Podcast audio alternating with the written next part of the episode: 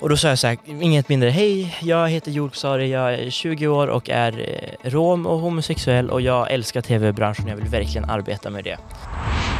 Du ska gå vidare till Big Brother 2021, eller du har tagit dig vidare liksom. Jag var så ah, tappade hakan och typ så här började gråta och sen ska jag ju ut och jobba fem minuter efter det så jag sitter typ så här bakom disken och typ gråter och så här darrar och försöker så här hantera mig själv och börja så här slappna av så att jag kan hjälpa, mig, hjälpa folk liksom.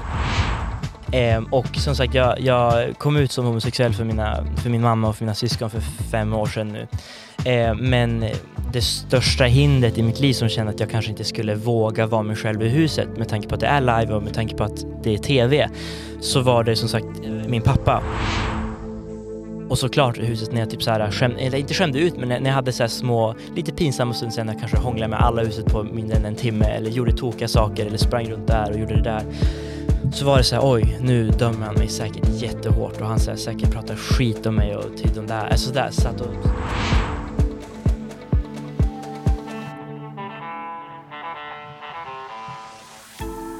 Dagens gäst var instängd i ett hus i hela 73 dagar. I 73 dagar var han övervakad av kameror dygnet runt. Bråk, bikter och tävlingar präglade den dagarna i huset där han trängdes med massa andra vinnarskallar som, inte, som han inte kände sedan tidigare.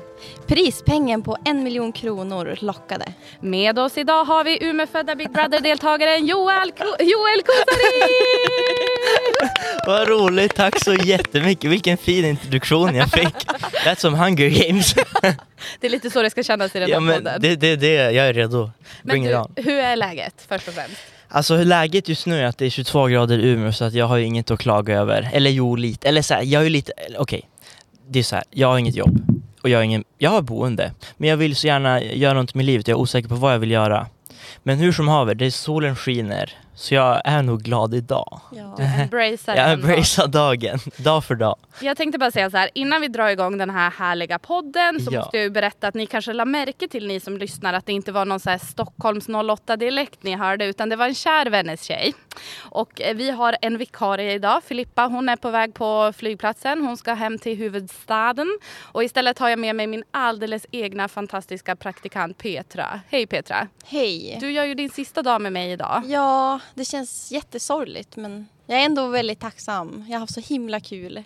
Men du är ju going out with a bang och får podda med mig idag. Ja, alltså jag avslutar ju på topp tillsammans med er och med Joel. Ja, gulligt. Och strålande väder. Ja. Och jag är ju sjukt glad att du sitter här och inte Filippa om jag ska vara helt ärlig. För du har ju också följt Big Brother slaviskt ja, den här säsongen. Precis.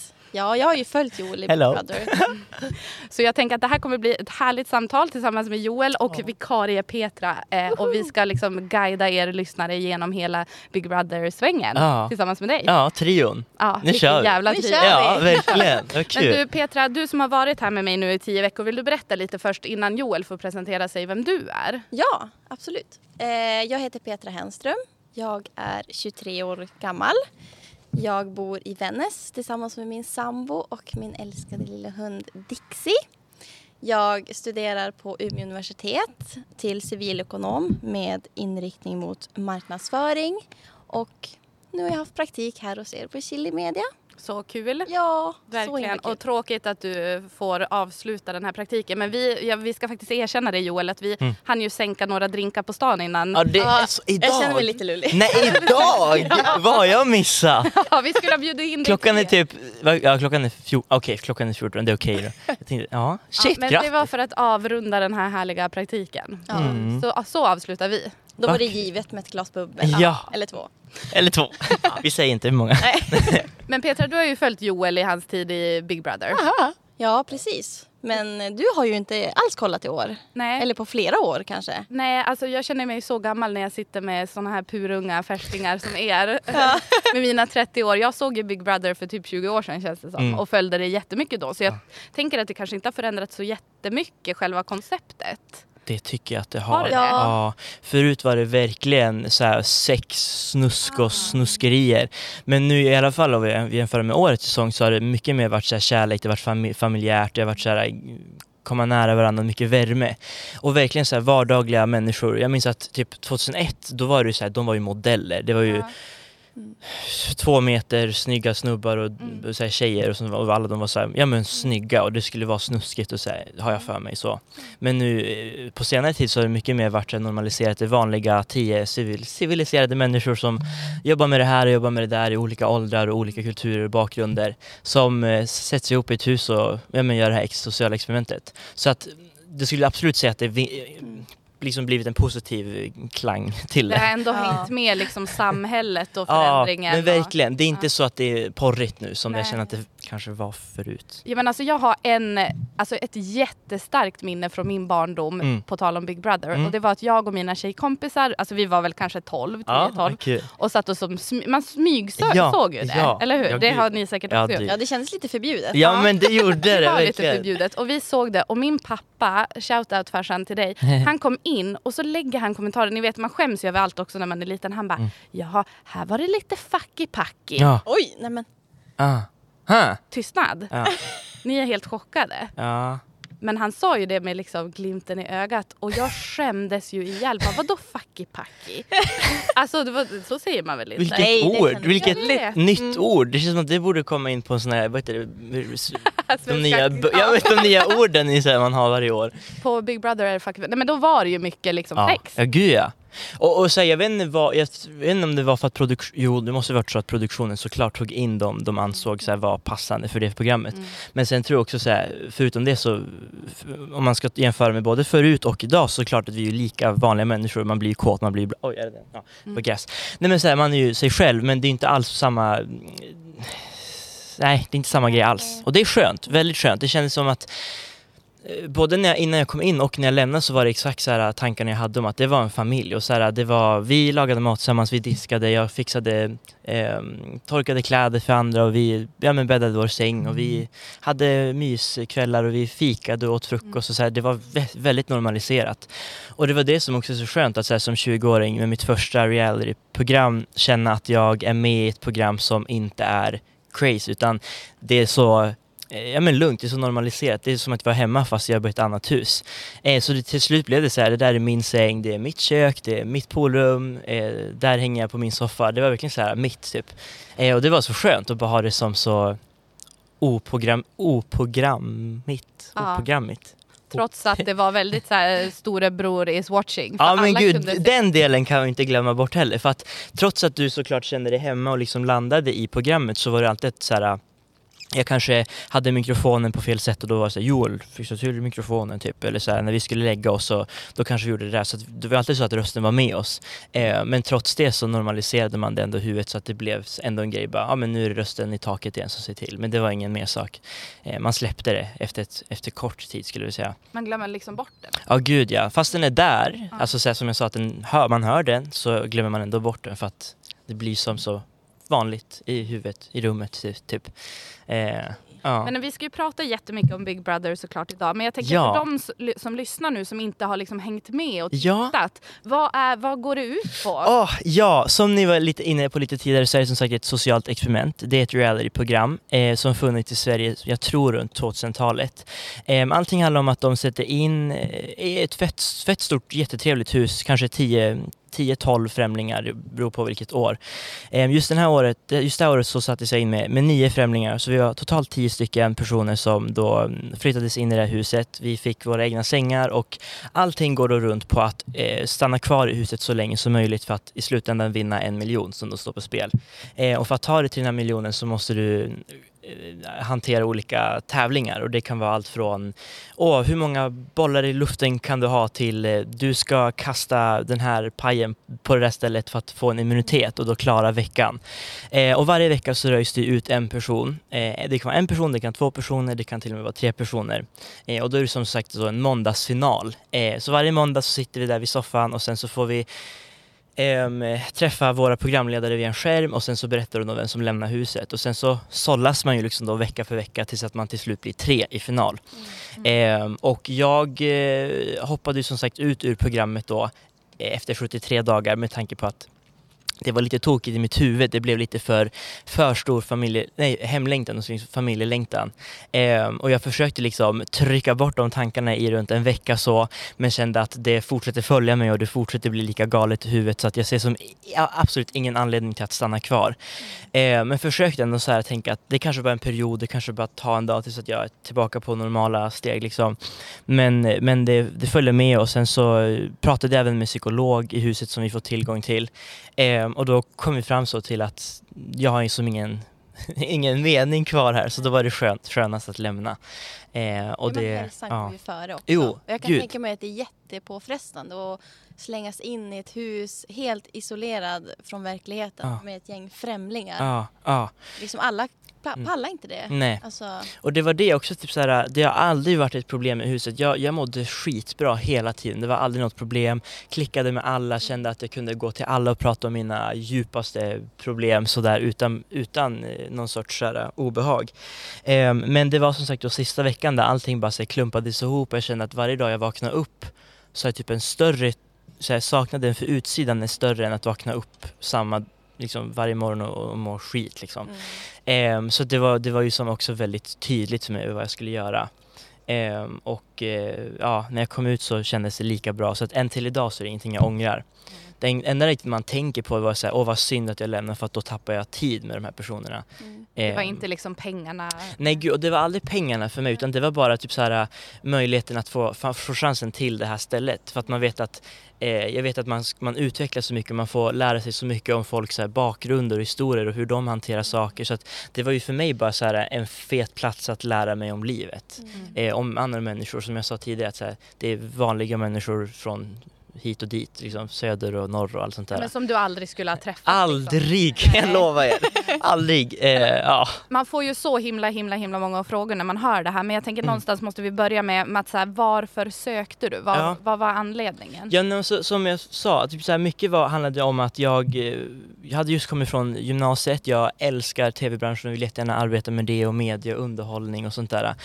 Eh, så för mig när, så var det väldigt uppenbart när jag, när jag såg att de ansökte folk. Eh, men sen utöver det så var det så sagt även här biten att få utvecklas. Jag är ung, jag vill ta del av andras eh, bakgrunder och liksom vad de har varit med om och liksom reflektera över att jag inte är den enda personen i världen. Det tycker jag är så uppfriskande att få ta del av. Eh, fast vi kanske, fast vi som sitter, ja, men som pratar just nu, kanske gått igenom exakt samma sak så hanterar vi det på olika sätt. Mm. Och det är också någonting väldigt stort som jag lärde mig så att vi kanske ser på samma objekt men vi hanterar och tar in det på olika sätt. Och det var så lärorikt att så här, förstå att vi människor är så olika men samtidigt så lika. Så att det var verkligen så här, en, en, ja, men, en vad säger man, livsskola, en livets bästa skola. Mm. Livets bästa skola. Eh, och det är jag jättestolt över att få ta del av. Eh, särskilt så som, som enda norrlänningen eh, och att få vara 20 år eh, att få vara yngst i programmet det har gett mig så mycket och så mycket så här, självförtroende och det känns som att jag ändå klarar av så mycket mer än vad jag trodde. Eh, bara man typ kollar på våra immunitetstävlingar vi hade så, så var det alltid så att jag trodde aldrig på mig själv. Jag trodde aldrig på mig själv. Både när det kom till det fysiska, typ så att jag ska bära eller hålla ut eller liksom vara anstränga kroppen, till det psykiska, till att här, sitta still eller stå sådär i tre timmar liksom. Eh, så att nu när jag kom ut programmet så vet jag att jag klarar av så mycket mer än vad jag tror. Eh, och det är så sjukt coolt ändå hur ja. vi människor trycker ner oss själva. Men när vi liksom får det bevisat via tester eller hur det nu var, relationer eller kärlek, bla bla bla. Så, så man, man lär sig så mycket om sig själv. Eh, så det fanns alltid där i kroppen, i sinnet, men vi visste inte det förrän vi faktiskt utsatte oss för det. Ja, sjukt. Nej men det är ju som att man aldrig ställs inför det. Alltså så här, jag, jag har ju tittat slaviskt nu på Robinson bland mm, annat och mm. där känner man också så här, men jag skulle aldrig klara en dag. Ja. Men det är ju för att man aldrig sätter sig nej, i den situationen. Nej men absolut, ja ja. Liksom. Nej. Man testar ju inte sådana saker. N nej jag tror mycket behandlar om så att, så att din kropp, när du faktiskt stå, hamnar i, en, eh, i ett rum där du måste prestera, liksom där det handlar om liv och död på ett sätt, mm. hur töntigt den låter, så, så kommer kroppen ge 110 ja. fast du inte tror det. Så att man blir ändå chockad när, typ när jag höll på med någon immunitetstävling och jag bara säger vi skulle hålla i eh, två kilo, mm, hur, hur ska man förklara det här via ljud? Ni får hjälpa mig. Jag skulle hålla, hålla i så här, två kilo eh, över huvudet i, tills att jag fick immunitet. Och då var det alla som fick tävla och den som håller eh, det här blocket eh, ah. längst tid vinner. Och om du tappar eller håller fel vinkel då skickas du ut ur rummet. Ah. Och då så under tiden jag bara det här är helt sjukt, jag kommer aldrig i mitt liv klara det här. Men sen slutar det upp med att jag håller det här blocket i, i två timmar och 40 minuter Nej, och jag ja, blir topp tre. Så att det är så här, och jag var ju med med de starkaste killarna och de var de här smartaste de gav aldrig upp och de hade världens fetaste så här äh, mindset liksom. Ja. Och så kommer jag ut ur rummet trea och så här bemöts av alla fina människor som klappar åt mig bara vi trodde att du skulle vinna och det blir så här när man, när man peppar varandra och liksom boostar varandra på det sättet för att de ser saker i mig som jag inte ser och, och jag ser saker i dem som de inte ser. Så det blev världens så här finaste pannkakslager av finhet i huset. Man blev så, vi var så, det var så stöttande, det var så fint att få. Man lärde, alltså som jag sa, man fick med sig så mycket hem. Eh, det är jag så tacksam för. Ja men just den tävlingen som du beskriver nu, det känns Ja. ju som en, det är ju egentligen så här fysisk Ja men det är fysiskt Men det blir ju psykiskt Nej, men att snälla. stå två och en halv, vad sa du, 2.40? Ja, och det var ju, de här två sista killarna klarade sig tre timmar och 50 minuter tror jag. Det är så sjukt. Ja, så att, och det är så här, de, en av dem är ju världens hunk, alltså Adrian. Han är ju stark, han, han har ju alltid presterat skitbra under fysiska. Sen har vi Pedran som verkligen är så här mindset, det, så här, det gäller vart du hamnar i huvudet, hitta ditt mindset i rum, i så här, sådär. Och båda de tog ju som sagt sig till tvåa. Men det var så sjukt att jag som typ tränar en gång på fem år tog mig dit med världens sämsta, inte självförtroende. Nej men tydligen, det är det jag menar. Man, det är såhär, wow, vad kunde jag det där? Tack Jesus typ. Nej men så här, det var det jag kände, typ, så här, jag har aldrig presterat men sen så blir man så chockad. Men Ja. just alltså hela den situationen, för jag, jag tycker att det här är jättespännande just med reality och sen Big Brother blir ju som någon slags extremitet eller man säger Mm. av att vara instängd. Mm, alltså mm. bara den grejen Jesus. känns ju skräckinjagande. Live dygnet Ja, runt. dygnet runt. Men det, det, det där var så sjukt för att det där var typ aldrig någonting som påverkade mig. Det är jättekonstigt. Jag minns att när jag går och räddar mattan och ska träffa programledare Arantxa och Malin så går jag där så har jag en kamera i ansiktet på mig. Jag bara säger oj, vad kul. Så här, oj, här går jag. Oj, nu går jag upp där på den här scenen och där ställer de mig en fråga och nu så ska jag in i det här huset. Okej. Ja. Så går jag in där och så bara oj, här är det massa kameror. Och så sen så börjar fler och fler poppa in per minut och så har vi alla deltagare och då förstår jag så oj, det är de här jag ska bo med. Så Liksom. du var aldrig nervös? Nej, och det är det som är så sjukt. Jag visste att det var 24-7, alltså så här, man har ju läst det obviously, man visste om det men det är så här, i stunden så var det aldrig något som blev så här fy, fy, fy, fy, fy, fy. Det var såklart att det var obehagligt ibland, typ så här, när du kanske skulle byta om eller gå på toa och det typ så här blev, eh, ja men kamerastress, typ sådär. Men det var aldrig så här, jag vill fly, jag vill springa härifrån. Det var aldrig så, utan det var mer så här, bara shit vad sjukt det här är att en kamera, alltså jag blev mer så här fascinerad, typ att det är en riktig liksom, nu petar jag på mikrofonen, men så att det är en mik- riktig teknologigrej liksom, f- som följer mig. Det var det som jag tyckte var sjukt. Typ så här att, Men mer själva instängd, alltså att vara instängd, för jag menar du hade ju lika gärna kunnat sitta av tid i fängelse i, hund, i 73 jo, dagar. det kunde jag. Alltså, Absolut. alltså, förstår, nej men du? Ja, gud. Alltså just den här känslan av att inte kunna röra sig och det är lite Ja. så man typ, alltså så här, det här låter ju privilegierat Ja, men att så här, ja. under pandemin att Mm. man inte har haft liksom friheten att göra riktigt Mm, vad man vill. mm. Alltså bara den känslan av att vara i ett hus och Mm. inte kunna, Mm. det tänker jag ska Ja, tära på en. Men, men det är det som också så här, det som fick mig att liksom tänka om det du säger, det är just det här med att det var så normaliserat att jag lagade min middag. Vi diskade, vi moppade golvet, vi städade, vi dammsög och vi tvättade kläder. Så att om det hade varit ett program som hade att göra med att visst att det var kameror där men att det var så här någon sjuk twist med att vi inte fick, förstår du, leva på vårt vanliga sätt. Eh, då hade jag ju blivit mer, mm, tror jag, kokoloko, mokotoko typ. Eh, men med tanke på att det var så vanligt och som hemma så, så tog det inte hårt lika mycket. Eh, som sagt att när det var sådana immunitetstävlingar om att slåss om att få vara kvar en vecka till så var det mer så här nu slåss jag för att få vara kvar med mina vänner.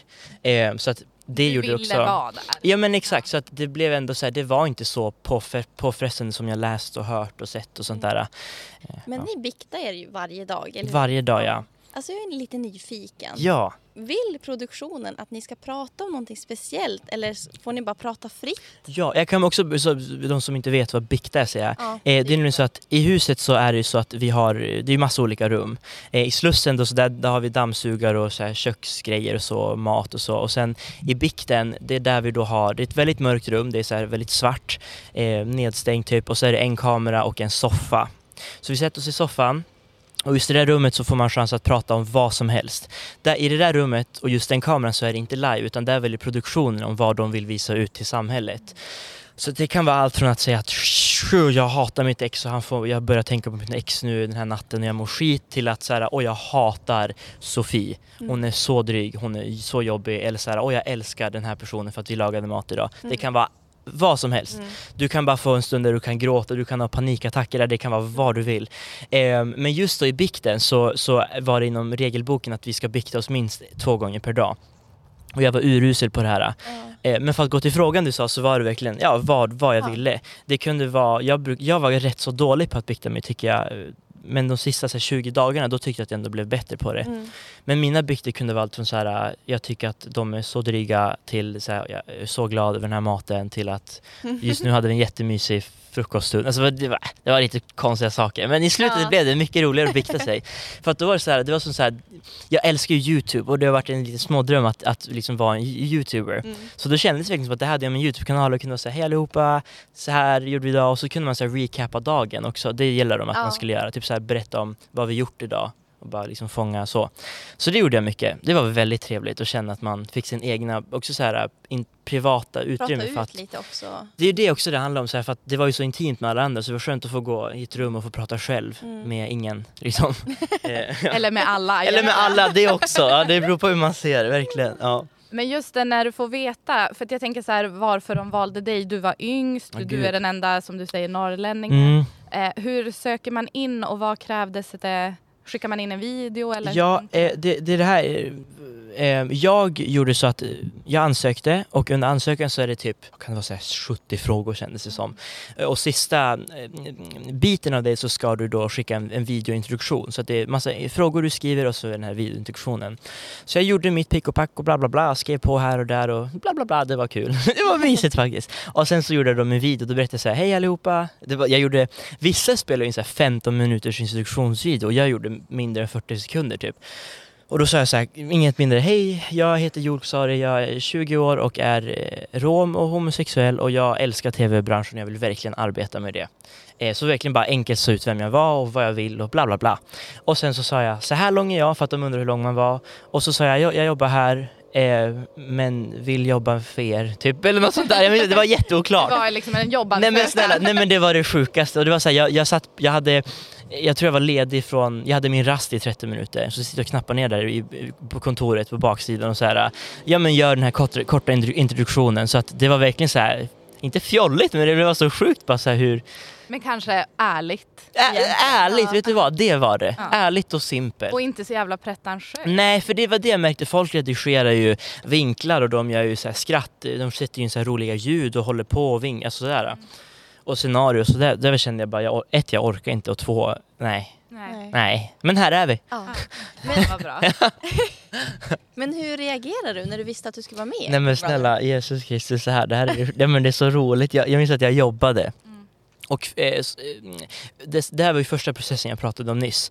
Eh, och efter det så är det en till process då du ska få prata med någon person, någon så här, då får du videochatta med dem på Skype. Och om du tar det vidare från det, då så ska du träffa produktionen, psykolog, journalister, eh, vad mer, du ska gå igenom lagar och regler och läsa deras här, policies som var typ så här 50 000 sidor. Och om du tar det vidare från det så kommer de ringa upp dig. Men det sjuka var att jag jobbar, jag får ett sms av hon som scoutade upp mig, eller hon som liksom så, casta, castingansvarig. Och säger hon, jag har en fråga från TV4 som de vill ställa dig och eh, jag vill jättegärna facetima med dig och spela in din reaktion så att vi kan skicka in det till dem för att det är väldigt väsentligt ifall att du faktiskt nu ska ta det vidare beroende på hur du svarar på den här frågan. Ingen press. Nej, ingen press. Ingen, nej men snälla. Och jag, och jag satt, ja gud. Och jag blir så oh my god, jag har en kollega på plats. Jag bara så här, kan du snälla ta över? Jag går snabbt in i kontoret och ringer liksom. Och så hon bara ringer med Facetime och så hon bara okej men då spela in det här. Eh, och den frågan jag hade till från TV4 var att du ska gå vidare till Big Brother 2021 eller du har tagit dig vidare liksom.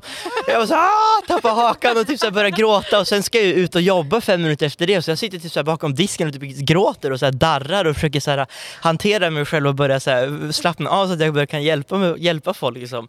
Så det var en sjuk, sjuk så här 15 minuters upp och nerdalar i mitt huvud. Ehm, och sen så går jag hem där och bara så här fattar ingenting. Och, och, och eh, nej, det var sjukt. Fick du berätta för dina vänner och familj? Nej det var ju så här, de var ju rätt så hårda med det men de förstår ju också såklart. Och de sa så här, du får inte gå ut med det här liksom. Men jag berättade till, eh, vad var det, syskon, mamma och närmsta vänner. Mm. Jag tänker att det måste ju ändå vara tacksamt i och med att det är live för att då åker man och så är programmet igång Mm. istället för att så här det som sänds ett år senare och behöver hålla tyst om. Ja det, för jag vet ju att jag har ju min supergoda vän Moa Lindgren som vann PH, som också gick som bor i Umeå, som jag gick gymna- gymnasiet med. Hon eh, har ju, vi har sagt varit med, i PH, hon fick ju hålla tyst i, vad, Mm. vad det, 6-7 månader. Det måste vara Ja men jättejobbigt. snälla, aldrig i mitt liv. Nej. Aldrig. Fy Svårt, alltså hur ska man bete sig Ja. här? Och typ så här till, till vänner, liksom sociala medier, hur man beter sig när man ska iväg till Mexiko i typ Mm. eventuellt fyra veckor. Mm, svår. Ja, bara nej men jag är sjuk. Svår att liksom dölja. Ja, det går inte. Nej. Och typ nu, typ jag känner min generation, så fort någon säger att de ska iväg i fyra veckor då är jag bara hörru du, jag är inte dum, jag är inte dum. Ja. Nej så det har man lärt sig nu, man ska hålla utkik för de som går semester i fyra veckor i, Sp- i, eh, i Sydamerika. Nej Ja. jag menar Nordamerika, Mexiko. Just. Nej, Centralamerika. Centralamerika, förlåt. Ah, Centralamerika. Då vet man. Det är inte, men man kan ju säga att man ska på sånt här, vad heter det? Eh, Retreat utan telefon. Ja men exakt en sån här rehab. Ja exakt, jag måste Rehab med månad. sociala medier. Verkligen, ja, så kan det också vara. det Det skulle man, man skulle också kunna tro på det. Ja, ja men det känns ju också som så här on-brand eh, generationen nu. Nej, Men det är det jag tänker nu, ja men mycket sånt. Mm. Ja. Antingen PH eller en retreat. ja. Någon av dem. Fan. Petra, du som har tittat, vad har, alltså jag tänker så här som publik, vad, hur har säsongen varit? Ja, alltså vi pratade om det här lite tidigare, typ om Big Brother har förändrats någonting. Mm. Och jag tycker att det förändras också för oss som tittar, att vi blir lite mer involverade. Mm, mm. Att vi kan Mm. rösta om Gud. alltså, fler grejer. Det är mycket roligare för Mm. den som tittar att ja, men du får vara med Ja, mer. Agera, ja, Ja. verkligen. Är det så, alltså nu dum fråga, eh, är det så man åker ut? Att man inte får rösta? Eh, det, nej, utan det beror på att vi lever ju för tittarna. Så att först har du immunitetstävlingarna Mm. och de avgör om du snabbt stannar kvar i en vecka. Mm. Om du inte får immunitet då hamnar du på måndagssoffan på måndagsfinalen. Och det är det som är den viktiga delen för att det är då du blir räddad av tittarna. Mm. Så att den med flest röster åker vidare och klarar sig en vecka till. Mm. Men den med minst åker ut. Eh, så att du vill ju knycka åt den här immunitetstävlingen så att du Mm. inte ens behöver tänka på måndagssoffan. Ehm, men som sagt det du sa, det är det som är så trevligt för tittare att så här, ni får chans att agera om vi ska få en pizza ikväll eller vem som ska få unna sig en middag eller vem som ska straffas och diska eller så här, diska i en vecka liksom. Mm. Så att det var verkligen upp till tittarna som man satt i så här böna och bad till att bli behandlad och så här, rädda mig och ja det var sjukt och man märkte ju så här beroende på, det var ju vissa som blev liksom lucky ones, som fick pizza och de fick middag och de fick välja det här och de blev räddade av tittarna på första så fort måndagsfinalen var över så vaknade vi upp på en tisdag och då kanske någon blev räddad för att de är så omtyckta av tittare. Så att det, det avgjorde ju också väldigt mycket, alltså tittarna avgjorde allt. Mm. Ehm, och då märkte vi också vem som var mest populär och vem som kanske inte hade så mycket tittare och det var mycket så här spekulationer. Man blev ju, man blev ju helt, helt, eh, ja men loco coco av att så här, spekulera. Och det var så här, oj, du, du blev rädd av tittarna idag men inte igår. Vad betyder det? Har du blivit sämre i deras ögon eller betyder det här? Gjort något Och du fick pizza men du, ja, du fick inte pizza, varför då? Oh. Man blev ju, man Ja. blev ju verkligen så här, så man blev sjuk i huvudet verkligen. Och sen var det ju mycket teman Mm. varje vecka, det var olika teman. Jaha. Och jag tyckte ju om både Farmen-veckan Nej! Jo, jag tyckte det var kul att titta på. Ja. Och så sen är jag ju lite av en sporttjej. Ja, så jag tyckte ju hockey. nej. Jo, jag tyckte Men ditt lag vann ju också. Ja, Charles. Det var gud. jättekul. Ja, för de som inte vet så hade, ja som du sa, så att Farmen-veckan då är det exakt det ni tänker att det är, det är Farmen-tema. Så att vi bodde med hö och vi bodde med träpallar och vi sov på skitställen. Ja. Och då är det två olika lag, vad heter de här lagen i Farmen? Mellerud och Falkenberg? Nej jag ser inte Farmen faktiskt. Nej, men jag har ingen aning att jag heller. att jag är gammal? Nej men gud, nej, jag har ingen aning alltså. Men då så fick mitt lag det värsta, så vi fick sova i, på hö och så här på pallar typ, Ja. så det var ju förfärligt i en vecka. Synd. Och sen fick vi äta, gr, vad heter det, gr, gr, Havregryn. havregryn Ja. i en vecka också, utan kryddar. Men vad känner du att du hade kunnat vara med i Big Brother igen? Alltså, alltså, alltså gud, nu när jag vet hur det faktiskt är, såklart så här, om du liksom har ett jobb och du lämnar jobbet och är tillbaka, då känner du dig som en bad bitch. Så det är klart, nu om jag hade kommit tillbaka så hade jag såklart fattat spelet om man säger Ja. så.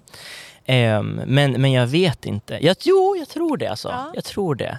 Till saken hör ju att Petra här har ju nämnt några gånger att hon är jättesugen på att Nej, söka. vad roligt! är det något reality-program som jag skulle kunna vara med i så Ja. är det ju typ Big Brother. Nej men det är helt rätt också Ja. för att det, som jag sa, det är så normaliserat. Det är, Ja. det är inte snusk och det är inte hemskt och det är inte dit och Nej. hit. Det är bara, det är vardagligt och så man, man har kul tillsammans typ. Så att det är en skitrolig resa och man lär sig så mycket. För att även om inte jag har sett eh, Big Brother Joel så Mm. har jag ju sett dig eh, sväva upp på sociala medier. Ja, ja. På grund av att du berättade lite eh, om hur det var innan du gick in i Ja. huset. ja. Kan du berätta? Ja, eh, det är ju nämligen så att jag eh, innan jag fick besked om att, eller när jag fick besked att jag skulle vara med i huset så tänkte jag så här, okej, min dröm är att jobba med sociala medier, jag vill liksom arbeta när jag vill få folk att skratta, jag vill underhålla folk. Men för att vara mig själv och liksom verkligen få ut mig själv till Sverige så måste jag också så här börja eh, riva ner de murarna jag kanske har i mitt liv. Ehm, och som sagt, jag, jag kom ut som homosexuell för, mina, för min mamma och för mina syskon för fem år sedan nu. Ehm, men det största hindret i mitt liv som kände att jag kanske inte skulle våga vara mig själv i huset med tanke på att det är live och med tanke på att det är TV så var det som sagt min pappa. Ehm, så att då, eh, gud, ja, så då valde jag att eh, komma ut till han innan jag då kom in i programmet. Eh, och det gick inte alls så bra. Eh, och eh, det, var, ja, men det, var, det var inte så trevliga ehm, sms jag fick. Ehm, och då så, eh, jag, var på en, jag var på ett sätt väldigt förberedd på svaret med tanke på att jag, man har hum om människor. Man vet ju på ett sätt, man, man kan få liksom Det fanns kanske en anledning att du inte hade. Sagt, helt rätt, bra sagt. Ehm, och och eh, då, jag var mer besviken på att typ, såhär, det här ska vara en, en person som är en, en förebild i mitt liv och lär mig om rätt och fel, liksom ska vara där för mig och, och utbilda mig och såhär, få mig att växa som person så att jag blir så bra person jag bara kan bli. Eh, och det var typ det som var det tragiska för mig, att den relationen tog slut. För att jag var förberedd på svaret men blev bara ledsen över, det blir så tokigt, jag blev ledsen över svaret fast jag visste svaret. Det var så här, ja det var den vägen vi valde att gå. Och det var det som gjorde mig deppig liksom och, och ledsen. Ehm, så att då valde jag att uppmärksamma det här på sociala medier för att det är många svenskar, särskilt heterosexuella, som tänker att vi i Sverige har det jättebra och allting är, ja men det är fantastiskt och det finns inga problem här så. Ehm, och det har jag läst mycket om hur folk inte är blinda för det men de ser fel, ser annat typ.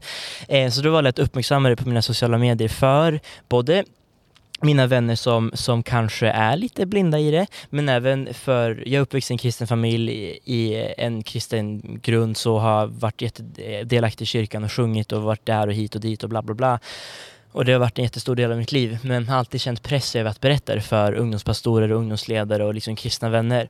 Så att förutom att utbilda närmsta så var det även så här en chans för mig att berätta, så här, att, att skriva det också. Det var det som var så sjukt, så att berätta att jag är homosexuell till kristna personer. Det var också den biten som var så här lite, nu gör jag det här. Eh, och jag var inte i Jesu namn, alltså jag var inte förberedd på, på effekten av det för att jag trodde att det skulle vara mina, som jag sa, vänner och nära och kära som läste det.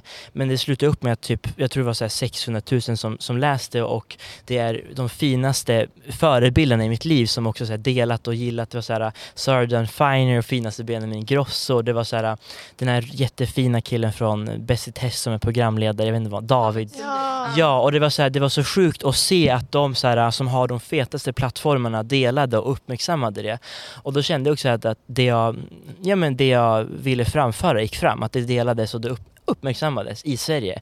Eh, men, och det blev också så omtumlande för att det blev så en sån fin grej för att det var främlingar som liksom gav mig sitt nummer och så sa ring när du vill, jag är en mamma på tre barn och jag finns här för dig. Eller jag är en pappa, eh, ring när, så här, smsa, jag kan, är jag är här för dig liksom. Och det var då främlingar vi pratade om. Så att det var så fint, det var en sån fin gest främlingar gjorde för mig. Eh, och det gav mig så mycket självförtroende och redan då innan huset kände jag att jag är oövervinnelig. Jag har gjort, jag har rivit alla mina murar, jag är mig själv. Det finns ingen fasad i mitt liv just nu utan allt jag gör, gör jag helhjärtat och det jag gör, gör jag som Joel, Joel Kosari. Så att det var så skönt att vara så här, nu vet jag att jag kan ha skitkul i det här programmet, jag kan vara mig själv, jag kan blomstra och växa och liksom fortsätta vara så pass varm som jag vill vara och vara den personen jag vill eh, få ut i svenska ja, tv-branschen, att vara en rolig men varm person som också ser människor, som är där för människor. Det är det jag vill få ut. Och det känner jag också att jag gjorde och det är jag så tacksam över. Att få den plattformen, att få den tv-tiden av ja, men Big Brother och det programmet har gett mig så mycket. Men jag har två följdfrågor. Ja. Eh, man ska ju inte ställa flera frågor samtidigt men det Nej. känns som att du är van vid att ha många, många det är ingen fara, det är fara. Eh, ett, relationen idag Mm. och två, var du liksom, även om du kände att du hade rivit alla murar och gick in i huset liksom som Mm. the, the true yourself, Mm, typ, mm, mm. var du så här, funderade du någonsin på om din pappa skulle titta? Eh, exakt det du sa nu. Eh, det var så att idag så är det fortfarande en död relation. Men det var det, jag har varit mycket inne på det här och typ så här pratat med folk och vänner så att det finns vi ska ju leva med, med vår själ och vår kropp tills att vi dör. Och därför är det också väldigt, väldigt viktigt att lyssna på den. Eh, märker du att någon kanske inte ser dig på det sättet du förtjänar att bli sedd eller någon kanske inte får ett blomstra eller ger dig det utrymmet du förtjänar så är det inte värt att ha det. Du ska leva med dig själv så därför är det också viktigt att lyssna på din kropp. Vill inte, eh, känner du att någon kanske inte Ja men får det att blomstra så är det inte värt att ha dem i ditt liv. Vill inte någon dig väl så är det inte värt. Eh, och det var den, det, det är det jag har haft i mitt huvud och- och det är det jag har utgått efter när det kommer till min relation till pappa. Att, eller jag vill inte ens säga pappa, förlåt. Men, men ja, jag, jag känner så att det finns ingen anledning till att det finns ingen anledning, så därför känner jag bara att det är inget att ha i tankarna, så därför går jag bara vidare.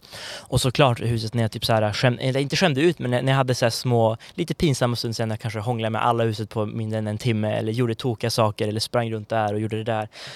Så var det så här, oj, nu dömer han mig säkert jättehårt och han så här, säkert pratar skit om mig och till de där, alltså där, satt och men mådde skit i huvudet liksom.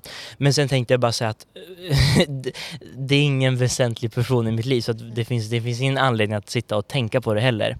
Och så här, sen tänkte jag också bara att eftersom jag vill jobba med det här och jag vill vara helt ute med vem jag är sådär, så att det är bara ja, men en sak att vänja sig att det kommer folk som inte vill se dig Mm ha, ha det bra eller sådär. Så att det var inte så, det var jobbigt till en stund men sen tänkte jag bara att det är bara skit att tänka så så att det går bra.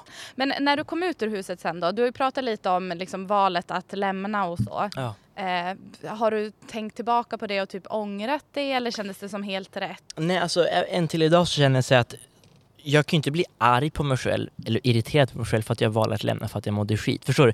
Det finns anledningar så här, oj jag lämnade för att jag stukade foten och en, ett år senare bara shit vad arg jag är att jag stukade foten och sprang där och gjorde fel. Men om ett år då kan jag inte bli arg på mig själv för att jag mådde dåligt. Förstår du? Det, det, Nej, det, det var ju moget. Ja, och det är också så skönt så att jag, det är, det är det som är så skönt att jag kan inte bli arg på mig själv utan jag lyssnade på vad jag tyckte och kände och det är så här, må, ja, må Ja. skit i efterhand utan jag lyssnade, ah, Mm. Jag menar att man eh, erkänner att man mår dåligt, Ja. är ju ändå ganska starkt. ja eller alltså jag, jag såg ju mass med så att jag försökte kämpa emot det men det gick inte och sen så, så var det det. Eller det var som inte så mycket mer, det, det var mer bara så jag ville ut liksom. Mm. Eh, men eh, Det känns ändå som att många hade nog stannat kvar just för Mm. girigheten och sen kanske gått för långt. mm. Mm. Förstår ni? Ja men tappa sig själv Ja. tänker jag. Och, och det var det jag också kände, just det här med att för de som gick in med en, en miljon, om de hade mått så skit som jag så hade Ja. de ju såklart hållit ut. Mm. Och det är det jag också är så tacksam för, för att när jag gick in med en annan inställning och ett annat mål, eller vad man säger, så blev det ju liksom skönare och lättare att Mm. lämna. Eh, Men hur kändes det då när du kom ut? Alltså jag menar, Oh ni, du var ju instängd Oh, och helt isolerad Ja, som sagt. Ja, nej, och det är som sagt så att vi får, in, vi får inte tillgång till so sociala medier eller internet eller något Nej. sånt där utan det är ju bara vi i huset och inget mer än så. Ehm, så att sekunden man ser mig lämna från tvn och jag liksom går ifrån den här dörren och den stängs, då möts jag av mina enormt fina eh, deltagaransvariga, Marie och Emily. Och de har ju varit där för oss under hela processen och liksom pratat med oss och varit, ja så. Så att det var så fint att få se dem efter tre månader och få krama om dem, så här, gråta i deras famn och bara så här, omfamna varandra, det var så mysigt. Ehm, och klipp till att jag då efter några minuter får träffa Arantxa, programledare, och hon kramar om mig och jag får gå in i hennes lounge och visa prata från hjärtat och jag bara fortsätter böla. Hon säger så enormt fina saker till mig om att, säga att, jag menar, att, man, att jag har hållit mig stark och att eh, jag menar, det har varit en fin resa att få följa mig. Liksom. Eh, så att bara de 15 minuterna när jag kom ut ur huset så var jag så- också så omtumlad för att det var så, det var så mycket kärlek. Och då så här, ett, jag lämnade huset efter tre månader och det var kärlek. Så det, så här, jag blev bara så här, det bara- rann mer än, jag menar, än kranen i hemmet. Liksom. Ehm, så att det var jättefint. Och sen minns jag att jag åker hem från hotellet, sitter i en bil, det gungar och jag blir jätteobekväm. Det var så här, inte illamående men det är så här, oj jag håller i mig så för att man är så ovan med bil, bilbumset liksom. Ehm, och sen så landar jag i hotellet, lägger mig i sängen, sätter på Bon Iver, lugn musik och bara så här dör. Jag dog, det var så skönt. Mm. Får massa fina sms från vänner, bara du har varit fantastisk. Och så här. Det var så sjukt att se så här vänner, typ så här, Julia Hellqvist. Alltså Ah. att se sin väns namn i en mobil. Ja. Men jag håller i också. Ja, så, sjukt, så sjukt. Typ, jag ringde min syster och hon bara så här, åh det är så sjukt det här och så här, Adrian var så snäll och så här, jag bara, hur vet du vem Adrian är? Hur vet du deras namn? Hur det är vet då du? man inser att folk Ja, det är då man inser att kameran och mikrofonen funkade. Det var så ingenting som var fel. Det var inget Liksom. teknikstrul. Nej exakt, i tre månader. Herregud. Vi ska snart börja avrunda den här podden men jag tänkte Ja. att vi ska blicka lite till framtiden. Ja. Eh, Du har ju beskrivit att du gärna vill jobba liksom i tv-branschen, mediebranschen Ja. och sådär. Men sen så har jag också snappat upp att det är lite musikintresse. Åh, ja, gud. Musik. Eh, jag gick musik på gymnasiet med sång som huvudinstrument. Det var så mysigt och körde jazz och improvisation och älskar liksom det, den biten och få improvisera och sådär. Men, men även mode och sånt. Men absolut TV. Det känns fantastiskt att få uttrycka sig och sin kreativa sida där. Känns skitkul. Eh, men men det, det drömmigaste hade ju varit att få det att funka mellan musik och eh, TV. Eh, hur vet jag inte. Men, Men någon slags underhållning. ja, men något sånt. jag. Ah, Ja. det hade varit så Jag har kul. fått en väldigt fin bild av dig verkligen. Åh, vad och gulligt! sen kan jag bara inte släppa att du är så sjukt lik, det här har vi väl hört tusen gånger, men New Kid. Va? Ja. Nej, men det här är det sjukaste! Ja, Adrian var inne på det tidigare. Jag har inte ens sökt upp New Kid, men jag har bara hört det. Nej men alltså snälla du måste ju lägga upp någonting och så taggar du han Aha. i det för det här är den största doppelganger. Nej! Jo. Han är Alltså, svensk? Ja. Aha. Jag trodde han var typ amerikansk eller något, att det var så en fet Nej, men det är så overkligt. Alltså, jag, ser, jag känner Nej, men inte sluta, han men va? alltså, ni är så lika. Jaha. Jag på det Det är så sjukt. Jaha! Nej men Adrian var inne på det hela tiden i huset men sen har jag ju glömt att kolla upp det. Det var mycket såhär, åh du måste kolla in den här Ja, låten när vi ja. går ut, du måste kolla på den här filmen. Du, du är lik. Ja. Jag bara okej, ska kolla upp det. Och så glöm. Men nu idag, jag måste göra det idag, verkligen. Ja, men Vad kul! shout-out till Verkligen shoutout New Kid. Alltså det är otroligt likt. Vad kul! Nej men Joel, tack snälla för att du Ja. var med i Umeåguidens podd. Nej men alltså tusen, tusen, tusen tack Ja. att jag fick vara Och med. lycka till framöver. Tack så jättemycket, det behövs. Och vi ska- får tacka alla lyssnare för det här är sista Verkligen. avsnittet för säsongen. Och tack praktikant Petra, mitt älskade Ja, My Prodigy. eller vad det ja, heter. ja. Så kul att få podda med er här idag. så Och eh, mysigt. följ gärna oss på Instagram, där heter vi Umeguiden för mer material. Och tack för att ni har lyssnat. Puss och kram! Puss och kram. Hej då!